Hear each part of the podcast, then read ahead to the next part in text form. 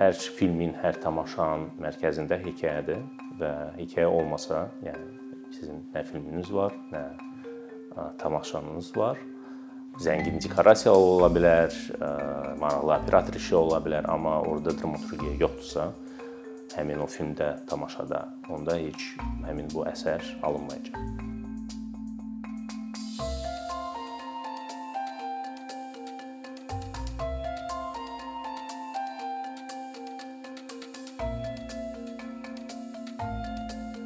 Məndən soruşsalar, yəni bu işlə ümumiyyətlə məşğul olmaq lazımdır yoxsa yox, yəni məsləhət görürəm yoxsa yox. Mən yəqin ki, deyərəm yox. Çünki ssenarist və ya dramaturq olmaq, yəni tez-tez praktiki nəticə verməyən bir iş, iş olur. Və bu təbii bir şeydir. Çünki yəni hər bir ssenari çəkilmir və hər bir pyes tamaşaya çevrilmir. Amma eyni zamanda mən öz işimi çox sevirəm. Çünki sən həmişə hansısa yeni materiallar araşdırırsan. Məsəl üçün öz ölkəmin tarixini yenidən öyrənirəm, başqa tərəfdən elə bir ki, öyrənirəm. Yəni bu yeni materialın daimi axtarışıdır, axtarışıdır. Və təbii ki, öz işimi hekayə danışmağa imkanına görə sevirəm. Hər filmin, hər tamaşanın mərkəzində hekayədir və hekayə olmasa, yəni sizin nə filminiz var, nə tamaşanız var. Zəngin dekorasiya ola bilər, maraqlı operator işi ola bilər, amma orada dramaturgiya yoxdursa, həmin o filmdə, tamaşada, onda heç həmin bu əsər alınmayacaq. Ssenaristin, dramaturqun işində yəni bir neçə xüsusiyyət var və birini qeyd etmək olar. Sən elə bil ki, öz bacarığına arxayın ola bilərsən, amma yəni həmişə sual yaranır, sən bu işi eləyə bilərsən yoxsa yox. Layiqli bir mətn yaza bilərsən yoxsa yox. Vaxtında təhvil verə bilərsən yoxsa yox. Sənin gücün, səbrin çatar yoxsa yox. Bu da təbii bir şey, təbii bir şeydir və dramaturqun, yəni onun həyatının bir ayrılmaz bir hissəsidir və sadəcə ona hazır olmaq lazımdır. Və bir neçə risklər var təbii ki, yorğunluq riski, tükənmə riski, motivasiyanın itirilməsi riski və sadəcə buna hazır olmaq lazımdır. Azərbaycan kontekstində ssenaristin, dramaturqun işində öz xüsusiyyətləri var. Yenə də həm kinoya, həm də teatra aid bəzi qeydləri deyərəm, çünki yəni hər iki sahədə çalışıram. Kinodan danışsaq, demək olar ki, yəni industriya adlı bir şey yoxdur. Kinoteatr və kinozalların sayı çox azdır, yəni ümumiyyətlə ölkədə çox azdır. Filmlər az çəkilir və böyük və maraqlı layihələr də azdır, təbii ki. Yəni teatrdan danışsaq, bizim ümumiyyətlə çox konservativ teatrımız var və repertuara diqqət salsaq, biz görərik ki, yəni ancaq klassikadır. Yəni yerli gənc müəlliflərin pyesləri çox azdır və ümumiyyətlə yaşayan dramaturqların pyesləri qoyulmur. Yəni həmişə artıq yaşamayan dramaturqlarla daha rahatdır işləmək. Məsəl üçün klassikaya irad, yəni çox pis qarşılanır.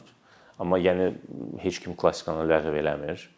Təbii ki, o yəni o klassikadır da, o yəni həmin o əsərlər, yəni zaman keçdikcə yəni mövcuddur, yenə də mövcuddur, yenə də qoyulur və bu çox gözəldir. Amma o demək deyil ki, bizim müasir dramaturgiyamız olmamalıdır və yeni müəlliflər, yeni aktual pyeslər olmasın. Ümumiyyətlə bizdə az pyes yazılır. Yəni müəlliflər də azdır, dramaturqlar azdır və e, pyeslər çox azdır. Və onun bir mexanizmi də yoxdur da. Çünki yəni teatr teatrda maraq yoxdursa, yəni bu bir gənc müəllif niyə pyes yazsın? Yəni savadı olan, yəni bu işlə məşğul olan adam, yəni heç düşünmür ki, yəni pyes pyes formatında nə isə yaza bilər. Yəni onun qələmi var, yaza bilər, amma yəni o mexanizm yoxdursa, onu yazmayacaq. Yəni fikrində də olmayacaq. Characters ə, müasir dramaturgiya festivalı Bakıda keçiriləcək və həmin həmin mexanizmin yaratmasında bir addım olacaq. Yəni mexanizm və platforma kimi olacaq. Yeni müəlliflərin cəlb edilməsi və yeni pyeslərin, aktual, müasir pyeslərin yaradılması. Characters, yəni ingilis sözüdür və bir tərəfdən pyesdə tamaşada iştirak edənlər deməkdir. Və eyni zamanda şəxsiyyət, şəxsiyyətlər deməkdir və bizim teatrımızın yeni qəhrəmanlara, yeni şəxsiyyətlərə ehtiyacımız var. Bu layihə Swiss Corporation Office-in dəstəyi ilə həyata keçirilir. Layihənin kuratoru və təşkilatçısı mənəm.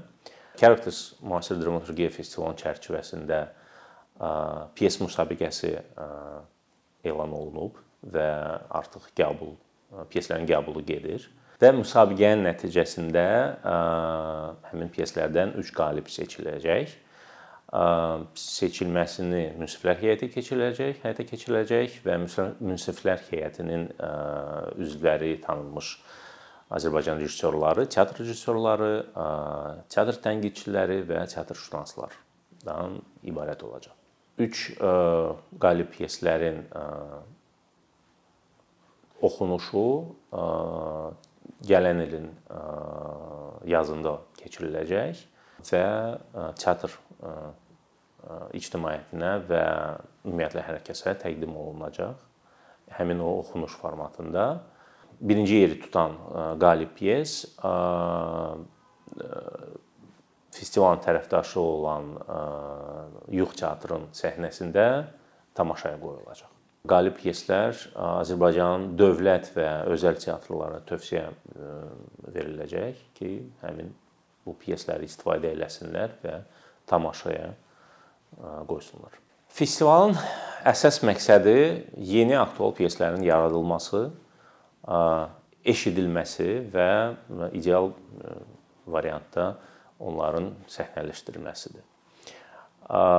Bu həm teatr ictimai üçün faydalı olacaq, həm dramaturqlar üçün, çünki bu, bu festival onlar üçün əlaqə vasitəsi olacaq. Yəni teatr və izləyici izləyicilərlə bir əlaqə vasitəsi olacaq və təbii ki, tamaşaçılar üçün bu faydalı olacaq. Çünki yəni onların yeni aktual kontentə, məzmuna böyük ehtiyacı var. Və bizdə həmişə deyilir ki, bizim tamaşaçı bunu xoşlamır, istəmir. Sadəcə ona nəsə təklif eləmək lazımdır ki, görsün ki, bu var və ondan sonra özü desin ki, yox, mən bunu bəyənmirəm, istəmirəm, gəlməyəcəm, baxmayacağam. Ya da deyər ki, yox, bu maraqlıdır, mən istəyirəm. Mən gəlim baxım. Sadəcə bunu bu imkanı yaratmaq lazımdır və bu festival, bu təşəbbüs həmin o imkanı yaratmaq fikrindədir və bu, yəni dediyim kimi bütün teatr ictimai üçün çox faydalı ola bilər. Təqdim olunan pyeslərin mövzusu sərbəstdir. Bu həm yeni, həm də köhnə pyeslər ola bilər. Son 5 5 ilin 5 il ərzində yazılmış pyeslər.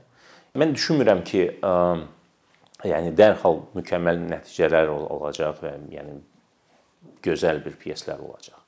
Yəni bunun üçün vaxt lazımdır. Amma bu ə, təbii ki, əsas odur ki, baş, kimsə onu başlamalıdır. Və bu festival ə, daim daimi keçirilsə, yəni hər il ə, keçirilsə və vaxt keçdikcə, ə, zaman keçdikcə, ə, yəni müasir dramaturgiya ilə Azərbaycanda vəziyyəti kəskin şəkildə dəyişə bilər.